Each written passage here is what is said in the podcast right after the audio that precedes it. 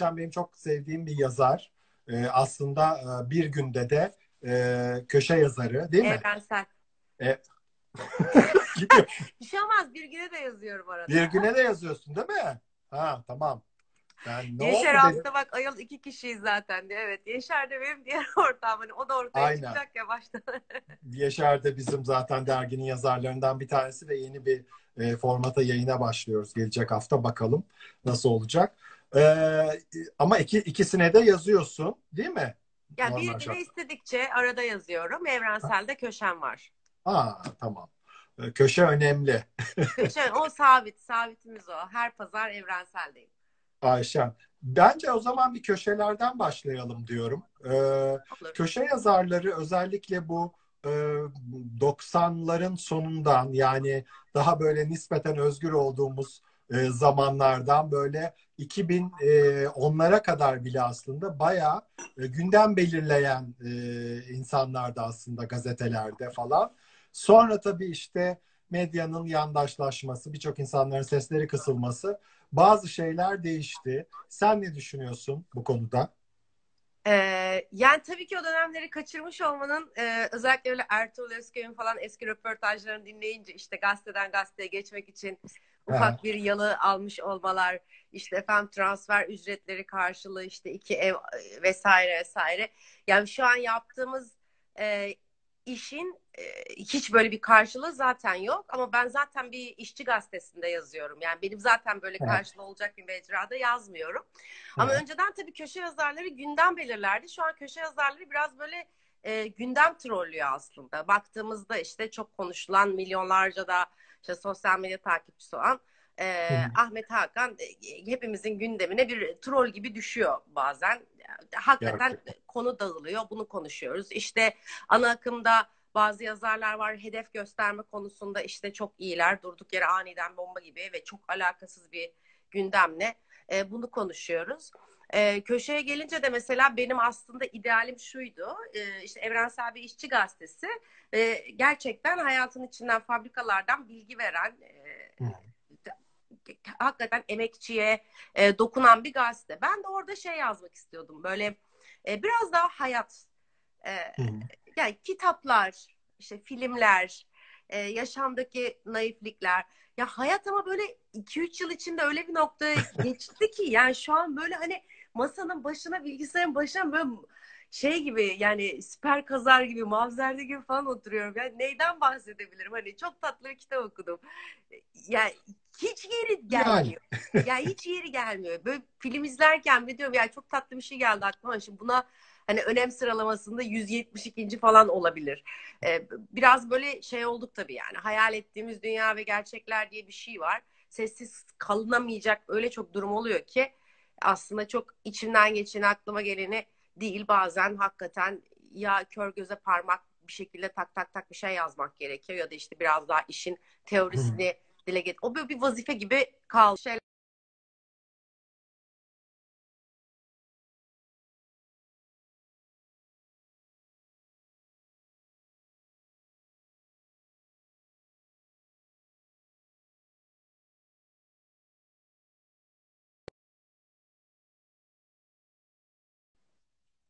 Gitti.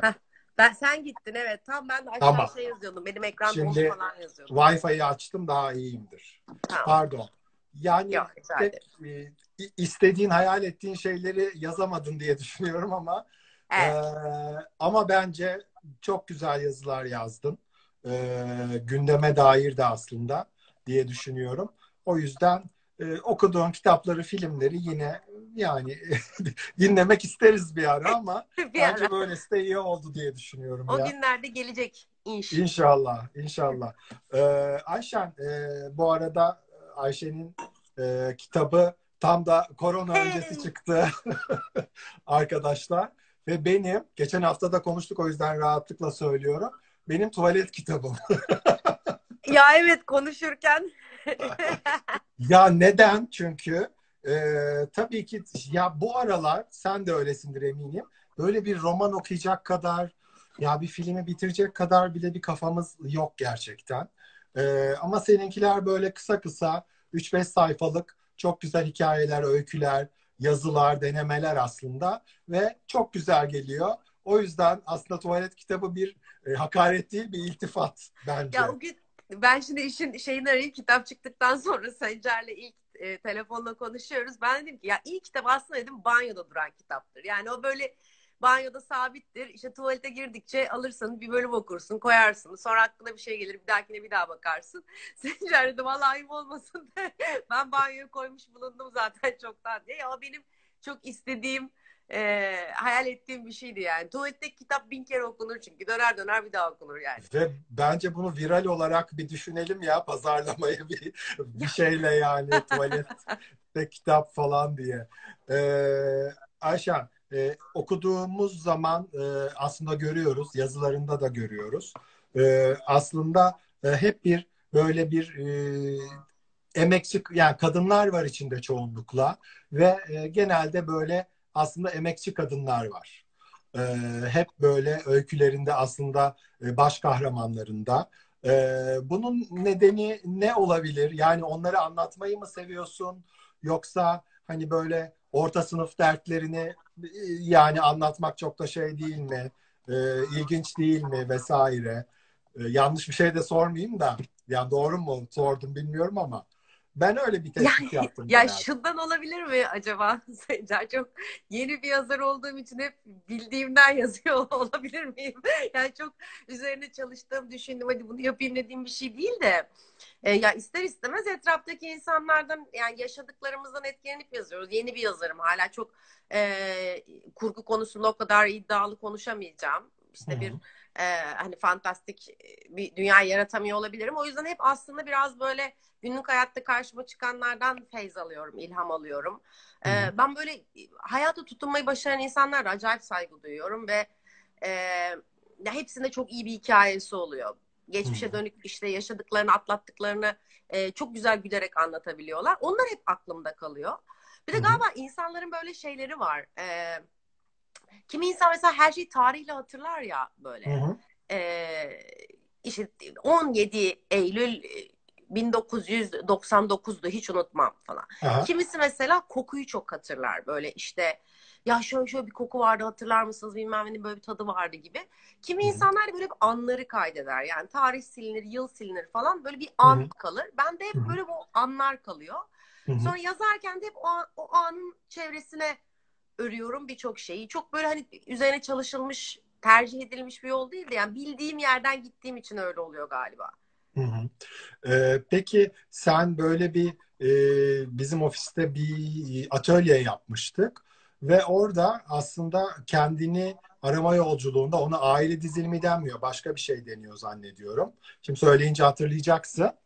Ee, orada kendini bulma yolculuğunda yani ben neyim yolculuğunda e, Beyoğlu'nun ablası e, çıktım dedi. Yaşlanınca öyle olacağım. Daha öyle olmayacağım. 20 seneye olacağım. ya o şey hikayesi. Hiç aile dizilimi falan ilgisi yok. O bizim işte e, Özlem diye bir arkadaşımla oturup bir yani ha. iş konuşurken çıktı hatta biz e, biliyorsun workshoplarla markalara işte vizyon belirliyoruz.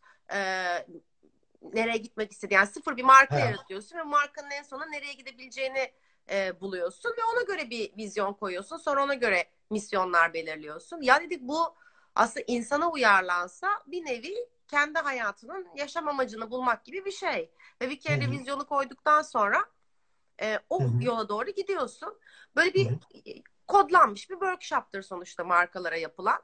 Kendi kendimize böyle iki kişilik bir workshop yapmıştık işte e, belli sorular var. Bunları sorduk. Ben tabii o zaman daha ilk kitabım yeni çıkmış. Ben kendi e, bu workshop sonucu şey bekliyorum.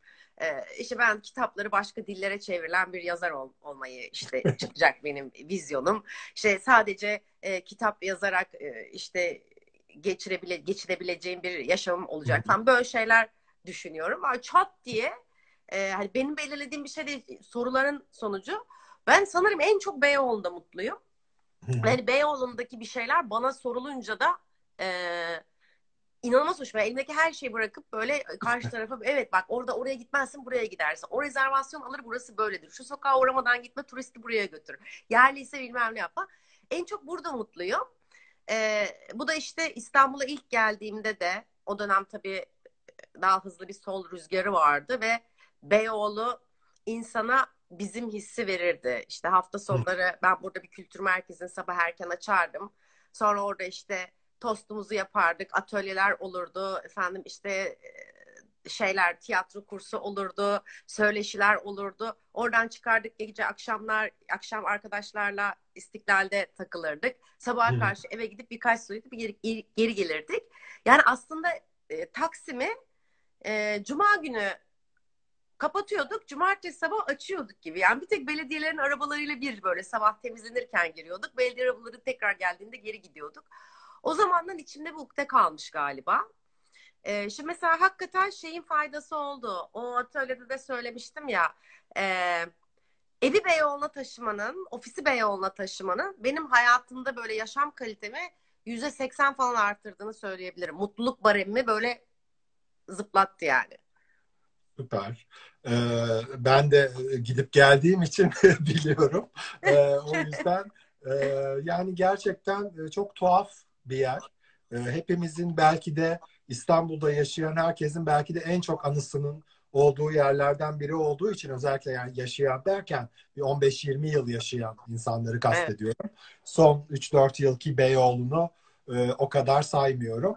Ve sen aslında Alper Taş'ı da desteklemiştin değil mi?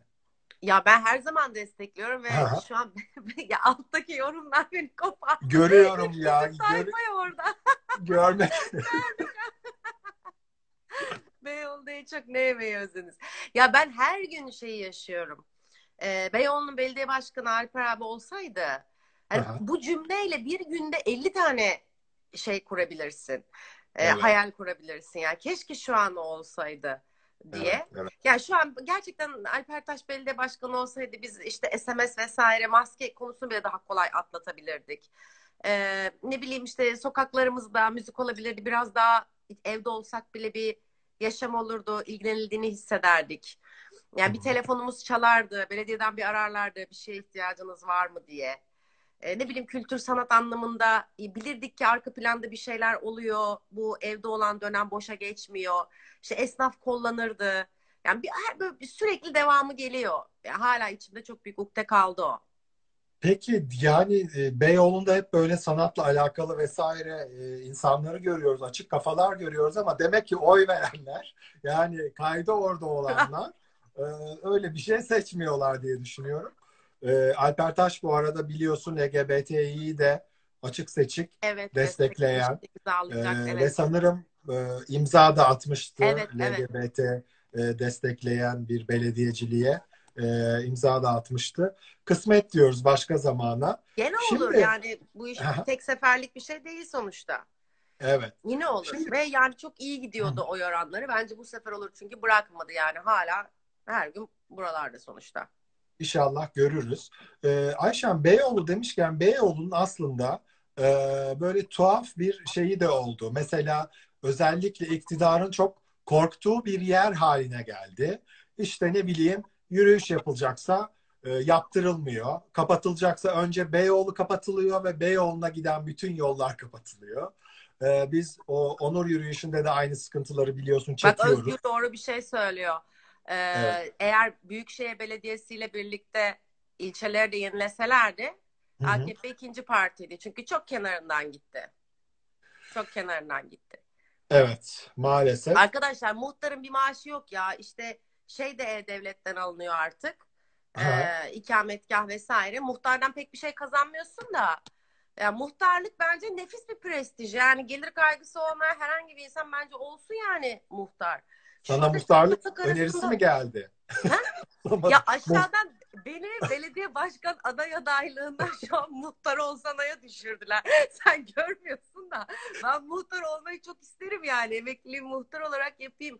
Yani yoksulluk belgesini sen veriyorsun. Milletin haline hatrını ihtiyacını sen yapıyorsun. Evet. Müthiş bir yani dayanışma ağının çekirdeği ya. Ben çok istedim. Muhtarlık çok önemlidir. Bence Yerel yönetimler çok önemlidir. Muhtarlar bunun mihenk taşıdır. Toplumun çekirdeği aile. Yerel yönetimin çekirdeği muhtardır.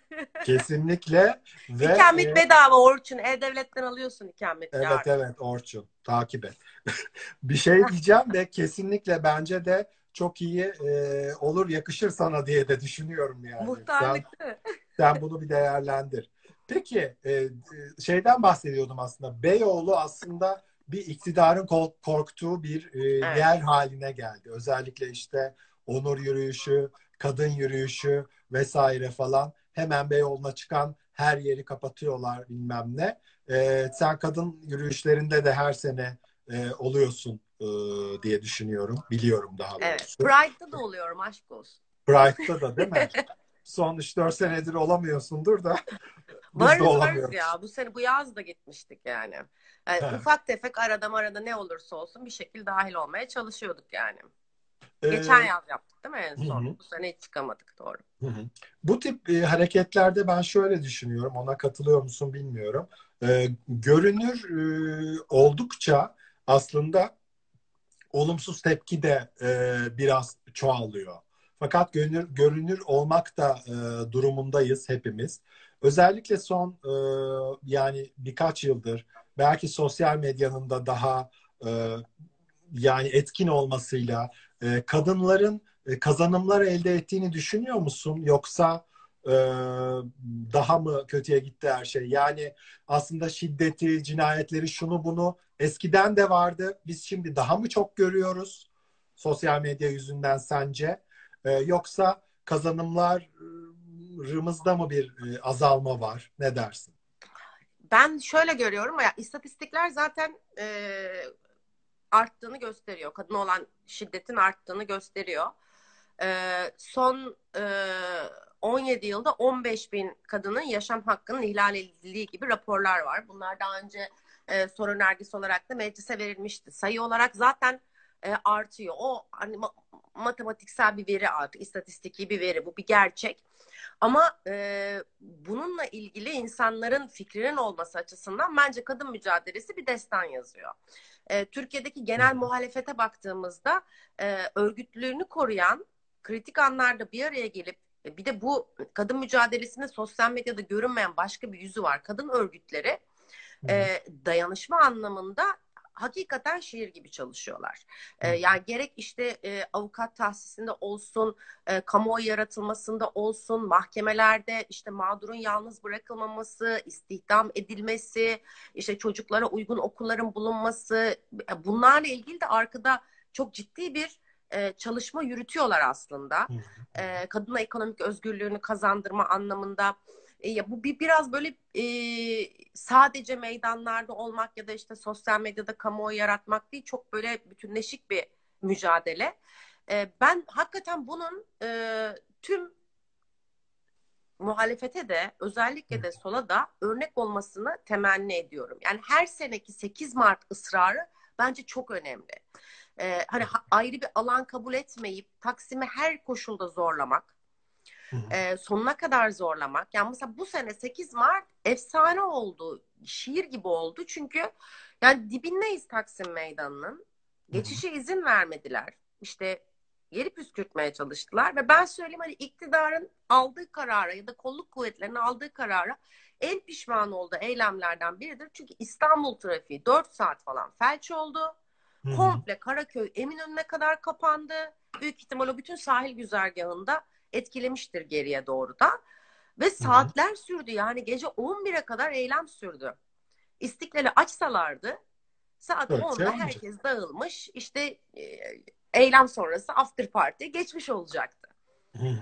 o, o yüzden hani ben o böyle sürekli kazanımı zorlama haline çok feyz alınması gereken bir durum olarak görüyorum.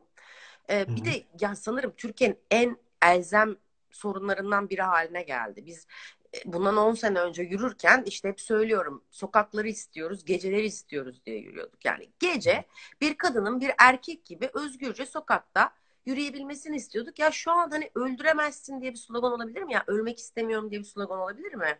Ölmemeye geriledi yani bizim mücadele. Biz böyle şey biz de içebilelim sokaklarda falan derken şu an lafı esamesi okunmuyor. Yani hayat memat meselesi oldu. Hı hı. Ee, ama bence yani mücadele daha güçlendi ama ister istemez e, hani e, bizi e, yani baskılar vesaire farklı şeyler mi diyeyim? Doğal olarak e, bir şeyler değişti. Bizi yıldırdı mı? Bizi yıldırdı demeyeyim de yani e, hak ettiğiniz şeyleri LGBT'ler adına da söylüyorum, kadınlar adına da söylüyorum. Hak ettiğimiz kazanımları elde edemedik. E, ama bu bence daha az mücadele e, ettiğimiz anlamına falan da gelmiyor diye düşünüyorum. E, biraz önceliklerimiz değişti. Dediğin gibi e, öldürmeyelim e, haline geldi sloganlar. E, bizim yani onur yürüyüşümüz yıllarca yapıldı gayet barışçıl şekilde. Şimdi yapılamama e, haline geldi. Yani varlığımız inkar edilme haline geldi. Evet. Yani falan öyle durumlar oldu. Ee, biraz aslında e, sen çok içinde değilsin e, feminist e, hareketin aslında biliyorum. Ama fikrini de almak istiyorum madem böyle bir mecradasın. Tabii ki tüm feminist hareketi genellemiyorum ama belki biliyorsundur bizim bir TERF diye bir belamız var. Yani feminist hareketin içinden trans kadınları dışlamak isteyen bir düşünce. E, yani bu tabii biz terfiz diye böyle bir e, şey olmuyor ama böyle söylemler e, zaman zaman e, oluyor maalesef. E, sen bu konuda ne düşünüyorsun? Yani savaşılan sadece erkek cinsiyeti değil diye düşünüyorum ben aslında. O yüzden de önemi olmamalı birinin cismi trans mı olması diye düşünüyorum ama sen ne düşünüyorsun? Ben şöyle düşünüyorum. Ee, aslında tabii temelinde ben de kadın mücadelesine biraz sınıfsal bakış açısından yaklaşıyordum. Ama şu an e, konum gereği aslında sınıf mücadelesiyle denk değil biraz önde gitmesi gereken mücadeleye geldi. Çünkü kadının ezilme e, işi hani hayati bir noktaya gittiği için artık sınıf mücadelesinden bağımsız aldı başına gidiyor. Buradaysa aslında e, bu Azerilerin komünist sistemden kalan bir marşı vardır. Bal olsun halkımın ektiği bostan, e, dost olsun her elde ezilen insan der. Yani bu ezilenlerin ortak mücadelesi olması gerekir ve e, bu ülkenin ezilenlerine de translar da dahildir. E, ve o yüzden hani ben bunun e, fiziksel bir şey olduğunu çok düşünmüyorum. Ona bakarsak şöyle bir şey de var. E, bu iktidarın e, yönetici kadrolarında öyle kadınlar var ki dilleri bir erkekten daha eril, bakış açıları bir erkekten daha eril ve kadın mücadelesinin yanında olmak şöyle dursun tam karşısında açıklamalarla geliyorlar. Hı hı. E, dolayısıyla şimdi o kadın fiziksel, bedenen e, kadın cinsel organına sahip ve doğuştan böyle diye kadın mücadelesinin bir parçası olacak da e, kendini doğduğundan beri kadın hissettiği için işte hani fiziksel bir değişikliğe giden, kendini kadın gibi ifade eden birine e, tamamen fiziksel özellikler yüzünden oraya kabul etmemek bence çok hani mantık hatası gibi geliyor bana açıkçası. Hı hı. E, bir de yani mesela ben şeyden mi etkileniyorum bilmiyorum empatiklik olarak ya yani çok küçük ya hayatta böyle gördüğüm 3-4 tane rüya vardır beni ömrüm boyunca çok etkileyen. Bir ara sanırım Gece Melek ve bizim çocukları izlediğim dönemde mi hatırlamıyorum. Ee, bir kere şey olmuştu. Ayşen o da Beyoğlu'nda geçiyordu. evet ya. Abi rüyamda bak çok net hatırlıyorum ve çok uzun yıllar etkisinde kaldım. Ben rüyamda e, bir sabah uyanıyorum ve benim bir erkek cinsel organım var rüyamda. Ya öyle bir panikle kalkıyorum ki bu ne abi diyorum yattım kalktım nasıl olmuş olabilir diyorum tamam ya ne yapacağım ben bunu? Yani o kadar böyle başa dönünce şey ki yani ben kadınım hiçbir işte e, hani heteroyum, straight'im hiç, hiçbir şeyim yok. Rüyamda bir erkek cinsel organıyla kalkıyorum. Ve ya ilk kafamdaki şey şuydu bak yani abi ya bu kilot nasıl giyiliyor diyorum. Belli oluyor diyorum. Çok rahatsız edici. Ne giyeceğim ben diyorum. Acil doktora gitmem lazım diyorum. O zamanlarda ben bu rüyayı gördüğümde internet falan yok yani cepten bakma falan yok. Ne doktoruna gidileceğini bilmiyorum. Dahiliyeye gidiyorum. Dahiliye beni bir yere gönderiyor. Oraya gidiyorum. En son böyle hastanenin ortasında rezil oldum herkese diyorum. İşte benim olmayan bir şey herkese göstermek zorunda kaldım. Niye beni oradan oraya atıyorsunuz? Doktor bana gün veriyor. Tamam diyor ameliyat olabilirsin diyor. İşte bir anda olmuş diyor işte iki ay sonra gün veriyor. Ben bir anda mı dizlerim, dizlerimi dövüyorum. İki ay ne be diyorum şu an yatırın beni. Ben diyorum sabah çıkamam. Ameliyattan iyileşene kadar ne yapacağım? İşte annenin babanın izin vermesi lazım diyorlar. Anne baba baba bunu nasıl anladı? Ya o kadar böyle karnevan içinde kalkmıştım ki neden etkilendiysem. Hani o şeyi çok iyi anlıyorum. Yani o duyguyu çok iyi anlıyorum.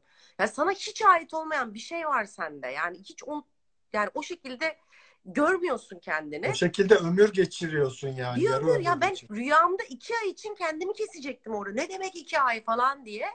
O Aha. paniği, o böyle ateş basmasını falan çok iyi hissediyorum. Ve şey anlıyorum yani.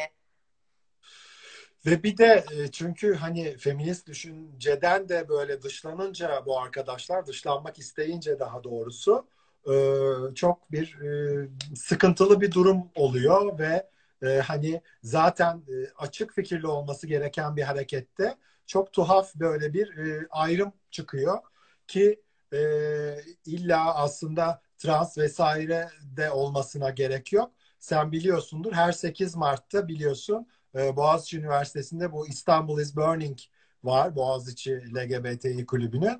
E, onu kazanan kişi Miss Gender e, olarak e, yürüyor. E, geçen sene e, Florence'dı sanırım e, arkadaşımız. Hatta onun bir fotoğrafı vardır. Cinsiyet atamaları yapılmış ben atanamadım falan diye. Öyle bir fotoğrafı vardır. E, yani herkes aslında bu eril dile karşı çıkıyor e, ve baskılara karşı çıkıyor ve beraber yürüyor. E, ama işte yani e, böyle sıkıntılar e, olabiliyor. Ya özgürlüğümüzden başka kaybedecek neyimiz kalmış? Bu bir kimlik kavgası sonuçta. Bir, bir varoluş kavgası. Ee, ve açıkçası hani ben o kadar fiziksel şeyin belirleyici olduğunu düşünmüyorum. Ona bakarsak dediğim gibi beni şey daha çok rahatsız ediyor. Ee, işte küçücük çocukların evlendirilmesi ve bununla ilgili affı çıkarmaya çalışan bakan milletvekili nezdindeki bir kadının Hı hı. 8 Mart'ta yazdığı herhangi bir kutlama mesajı benim tüylerim diken diken ediyor. Yani sen kadınların yüz karasısın. Sen eril dilin daniskasısın. Hani ben hı. ben onu aslında kadın olarak görmüyorum. Hı hı. O, o, o çok daha rahatsız edici bir şey bence. Hı hı. Aman Ayşen linç yemeden Kitaplık görünüyor Ya bir- arkadaşlar. Kitaplık göründü. kitaplık değil mi? Arkandaki tabloyu da sormuşlar galiba bu arada. Arkandaki tablo nedir? Kitaplığı destekliyoruz ya. Evde başka gerçekten gösterebileceğim bir yer yok ya. Yok Işıkla- tabloyu sormuşlar. Tablo var Tab arkanda. ya tablo Ya da şey resim mi? Buradan yakalanır mıyız bilmiyoruz. Şimdi bu bir tablo değil arkadaşlar. Bu bir fotoğraf. Fotoğraf Şöyle değil mi? çekileceğim. Bu Ha. E, Mehmet Güler Yüz'ün Uzaktaki Kadınlar sergisinden bir fotoğraf. Hı hı. Ama neden bende? Yani çünkü bu benim paramı yetecek bir fotoğraf değil. Doğruya doğru bunun seri numarası var. Bu orijinal bir fotoğraf. Biz bir proje yapıyorduk e, işle ilgili. E, çalışacaktık Mehmet Bey'le. E, ve markaya göstermek için bana bunu şey olarak verdi işte numune olarak verdi. E, ve işte sonra o aradığında ben yurt dışındaydım, seyahatteydim. Ben aradığımda Mehmet Bey burada değildi. Üç kere beş kere arandı. Sonra ben ölüye yattım ya. Aramayınca ne bileyim fotoğraf çok güzel. İşte Yeşil'in dediği gibi bir sene ofiste bekledi ararsa götürürüm diye. Aramayınca aldım eve getirdim. İnşallah bu Ben de- yayından sonra gitmez. Ya malum olmuş gibi de ben seçmiştim. Bunu alabilir miyim? Bu çok etkileyici demiş. ama Çok iyi fotoğraf gerçekten. Aynen ya. Ay Peki, gör, görmez duymaz inşallah. Kulağına su kaçırmıyorum da İnşallah. şimdi çok alıştım İnşallah. Ee, Ayşen, e, senin de iki çocuğun var. Ee, Evet. Ergenlik çağında. Ee, yani e, aslında bu e, Diyanet konusuna biraz gelmek istiyorum. E, feminizmden hiç yiyemedik, bari dinden yiyelim diye Dinle. artık ona geleyim dedim. Ee, aslında e, konu nasıl oldu? Olay şöyle oldu. Anlatıyorum sana. Olay şöyle oldu. Ee, 23 Nisan'da e, LGBTİ örgütleri ve bireyler bir hashtag başlattı. LGBTİ çocuklar vardır diye. Biz de hatta destek verdik. Ve bu TT oldu. 23 Nisan Perşembe günü. E, fakat tabii bizim e, homofobik ve e, transfobik ve her şey fobik e, yobazlarımız bunu gördüler. E, ve bu bir şekilde e, artık Diyanet'in de herhalde kulağına gitmiş olacak ki 24 Nisan'da Ramazan'ın ilk gününde Cuma hutbesinde bence hiç yani üstüne vazife değil yani bir atıyorum hani bir soru sorulsa ona cevap verebilir belki eşcinsellerle ilgili.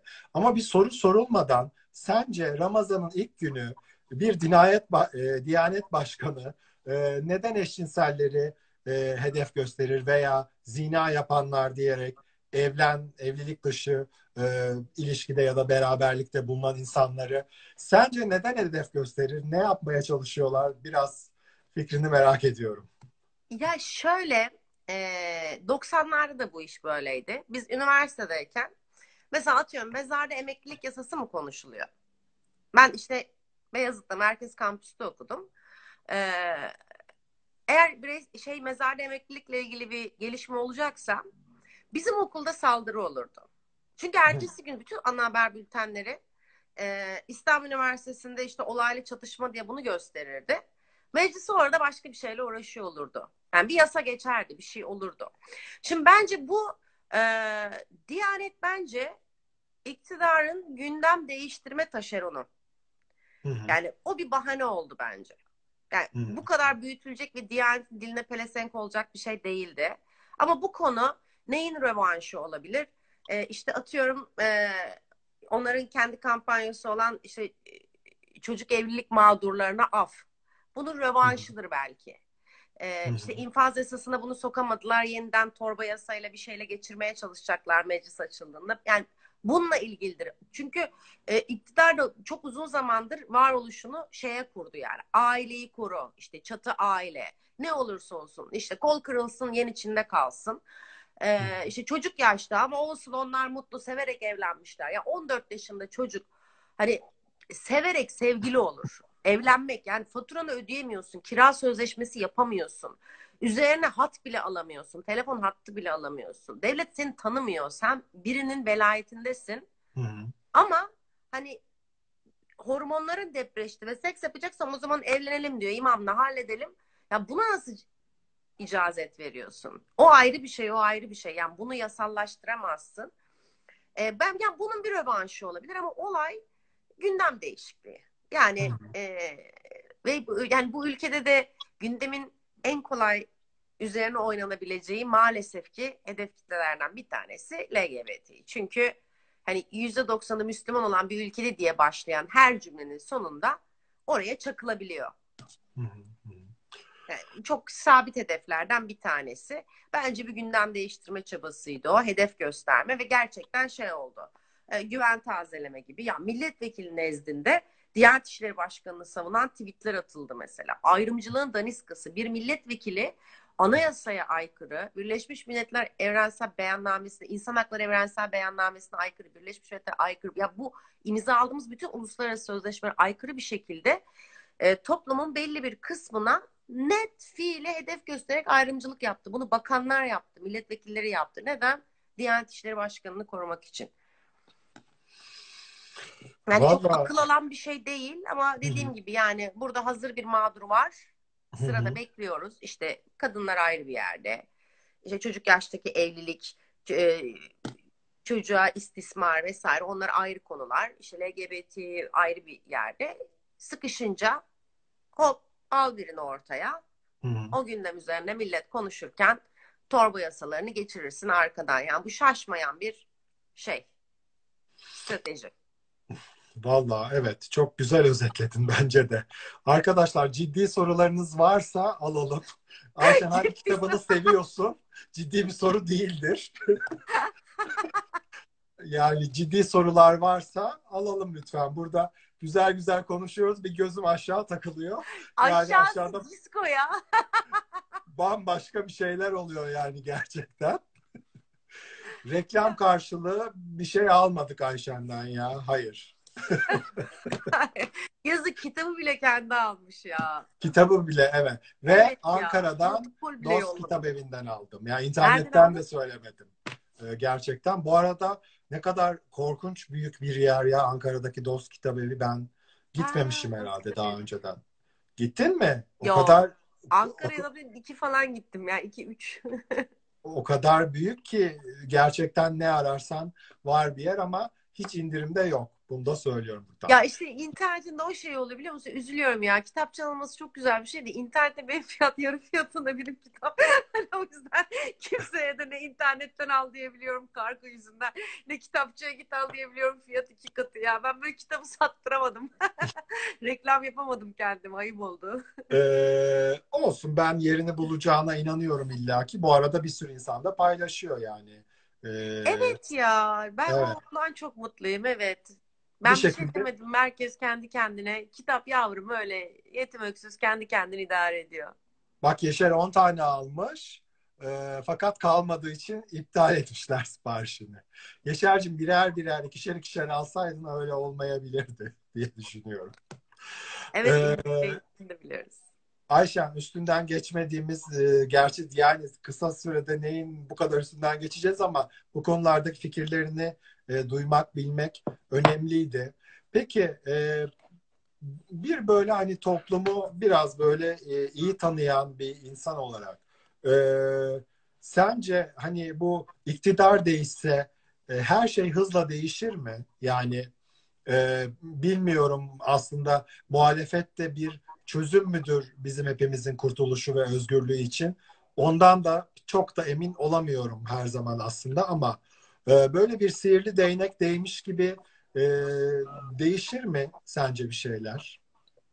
Ee, şöyle e, muhalefet e, işte bu iktidar mücadelesinde ya ben açıkçası doğru doğru şöyle görüyorum. Muhalefet bir gündem belirlemiyor Türkiye'de. Yani iktidar bir Hı. gündem belirliyor. Muhalefet buna karşı kendi görüşlerini beyan ediyor. Yani kendi gündemini dayatma gibi bir şey söz konusu değil ve e, bize kanıksattırılan bir toplum yapısı oluştu. Yani Türk toplumu buna böyle bakar. Toplum bunu böyle görür. Toplumla. Ya bu aynı toplum köy enstitülerinde 4500 nüfuslu ilçelerde Çehov oynayan toplumdu. Topluma Hı. üstten neyi dayatırsan, e, neyi verirsen çıtayı o kadar yukarıya çekebilirsin aslında. Burada da mesela hani kanaat önderliği önemli bir şey bence. E, yani toplumun genelinde kabul gören insanların e, ılımlı söylem değil, radikal söylemlerde bulunması gerektiğini düşünüyorum. Yani e, çok sevilen ana akımda oynayan bir dizi oyuncusunun Hı hı. ben çıkıp sosyalistim demesi bayağı önemli bir şey bence. Çünkü hali hazırda kendini sevdirmiş. Yani Hı o yüzde yüz puan kaybedemez. O yüzde yirmi kaybeder puanını. Ama hı. atıyorum hani sosyalist görüşü yüzde iki yüz puan kazandırabilir. LGBT için de öyle. Yani hala hazırda sevilen bir karakterin çıkıp cinsel yönelimini açıklaması ya ona ne kaybettirirse ama karşı mücadeleyi bu kadar fazla şey kazandırır.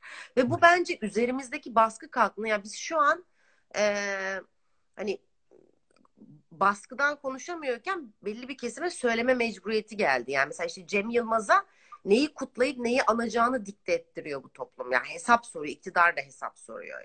Özellikle işte sen bunu anmadın, sen buna işte tepkide bulunmadın.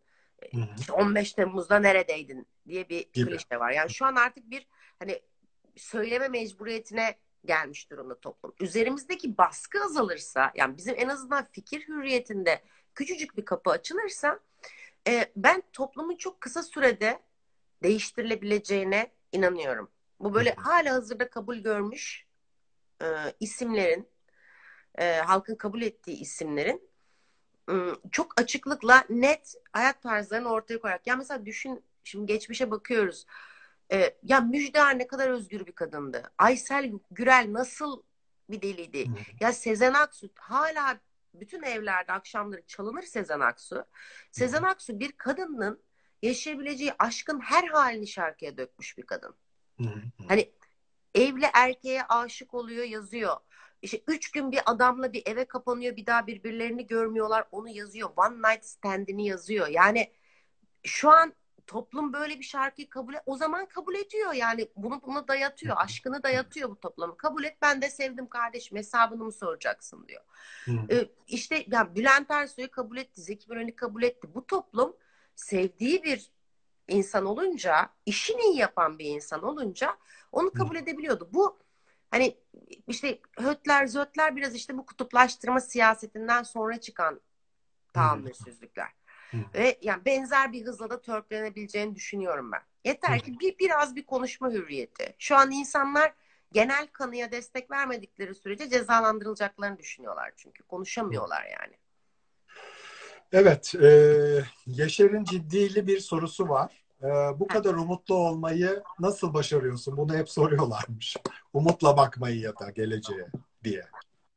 Ya çünkü şöyle düşünelim ya umutsuz bakmanın çok bir faydası yok ya. Yani başımıza gelecek şey belliyse e, yani umutlu bakarsan en azından günler geçirilebilir olur. Ve bir yaşam azmi olur. Umutsuz bakarsak sonuç değişmeyecek olsa bile her gün zehir olur. Yani ele geçecek bir şey yok. Umutlu tarafın bir ihtimal yırtma şansı var. Umutsuz zaten yırtıldığında bile tadına varamayacak. Çünkü onun hayatta beklediği tek haz ben demiştim diyebilmek. Yani onu da diyemeyeceksin. Yani bir O yüzden. umutsuzun alabileceği tek zafer dünya başımıza yıkıldığında ben demiştim demek. Yani yoksa başka bir zafer yok. Ama diğerinde yani her gün bir sebebim var. Ya daha iyi olabilir. Halledebiliriz. Yani buna inanırsak olur. Ve olduğunda temel gailem ben demiştim demek değil. Çünkü sen zaten o dünyayı istiyordun ve istediğin bir şeye kavuşmuşsun. İnşallah güzel günler göreceğiz diye düşünüyorum. Biz görmüştük zaten de şu anda özellikle e, 20'li yaşlarını yaşayanlar e, falan böyle bir efsane gibi geliyor bazı şeyler. YouTube'da eski televizyona dair şeyleri izliyorlar falan. Aa neymiş falan filan diyorlar. Ee, gerçekten çok tuhaf. Yani öyle bir şey geliştirmişiz ki artık Netflix dizisinde içki kadehi görünce aa ne izliyorum falan oluyorum bir anda. Yani e, otosansür aslında bence her şeyin en kötüsü. Yani Öyle öyle. kafasını kapatması e, insanın bir şeylere bence her şeyin en kötüsü diye Bu- düşünüyorum. hep söylediğim işte e, faşizmle mücadele kitapçığında yazan bir madde vardır. E, kabul edilmiş öngörü alan daraltır. Yani bu şöyle sen daha henüz bir sonraki adımı görüyorsun. Karşılayabilece karşılaşabileceğin baskıyı da öngörüyorsun. Hı. Ama o baskı daha gelmemiş. Gelebileceğini biliyorsun. Gelebilecekmiş gibi davrandığımızda aslında yaşam alanımızı daraltıyoruz. Hı. Mesela şimdi de oluyor ya işte bir şey yani şöyle şöyle olması gerekir diyoruz. Herkes ya sen hangi ülkede yaşadığını zannediyorsun. Kardeşim hala anayasada laik yazıyor. Diyanet Başkanı Değil öyle mi? konuşamaz. Laik yazıyor. Ya o yüzden hani hangi ülkede yaşadığını düşünüyorsun. Bu ülkede yaşadığını biliyorum anayasasında laik yazıyor. O yüzden Diyanet Başkanı'na yükleneceğim. Yani vazifem bu. Bunu hani öngörülü bir şekilde kabul edersek bunu diyen adam yarın öbür gün bunu yasakladım da diyebilir. Hı. Ve hani hiç kimse cinsel kimliğini beyan edemez noktaya da gelebilir. O yüzden bunu kabul etmemek gerekiyor. O öngörülü kabule girmemek gerekiyor. Yok Hı. o madde hala anayasada olduğu sürece biz Diyanet İşleri Başkanı'nın söylediği her cümleye şaşırmaya, şok olmaya ve ne diyorsun sen demeye devam etmek zorundayız. Yani o, o ön- öngörüye kapılmamak gerekiyor. Aynen. Tepkilere devam. Evet.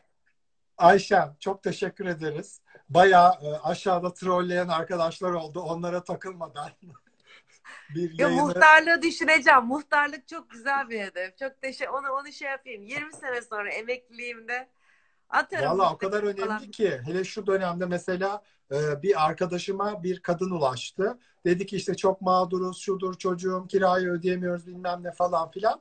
Adres falan da verdi. Ve e, bizler böyle bir arkadaş grubumuz var. Muhtarı arayıp gerçek durumu öğrendik. Gerçek değilmiş. Yani Aa, yani böyle sıkıntılar da olabiliyor aslında ama e, muhtarlar bir şekilde yerel yönetimlerin aynasıdır mı diyelim Ay, diyelim. ya Rahman ve Rahim olanıdır. Muhtar mahallenin Rahmanıdır, Rahimidir. Yani düşünsene herkesin ikametgahını, kaç kişi yaşadığını, gelenini, gidenini, yani gelirini, her şeyini biliyorsun. Ve Evet. yani ilk arayacağı insansın. Geçen ben de duygulandım. Bizim muhtar kapının önünden geçiyor. Elinde telefon bağıra bağıra konuşuyor maske yüzünden. Ha, Gezi Parkı'nda bir kadını bulmuş yanında iki çocuğuyla. E, kadını yerleştirecek yer arıyor. Yani bu çok önemli hayati. Yani bir kişinin hayatına dokunmaya çalışıyor. Çok özverili bir insan yani. Bu- Bunlar çok e, bütün mahallenin görüşünü, dünya görüşünü değiştirici bir değiştirebilecek insan aslında muhtar. Ben olacağım ya tamam ben iknayım. Yani 20 sene sonra girerim ben. 20 ama. Daha değil. Kesinlikle. Seni bak gider ayak kalplere de boğuyorlar galiba diye görüyorum. Ee, Ayşen e, kaleminin mürekkebi hiç bitmesin. Hep yazmaya, e, konuşmaya, doğru bildiğini savunmaya e, devam et Hep e, birlikte. diye dileklerimi iletiyorum. Yayınımıza katılan, trolleyen herkese de çok teşekkür ediyorum. Altta yorumlarını WhatsApp'ta yazan. devam edeceğiz bir tayfayla biz. Tamam. Çok teşekkür ediyoruz. Ee, Öpüyorum herkese. Sağlıklı günlerde görüşmek üzere diyoruz. Sağ ol. Hadi görüşürüz. Hoşça kal. Bay bay. Öptüm herkesi. Bay bay.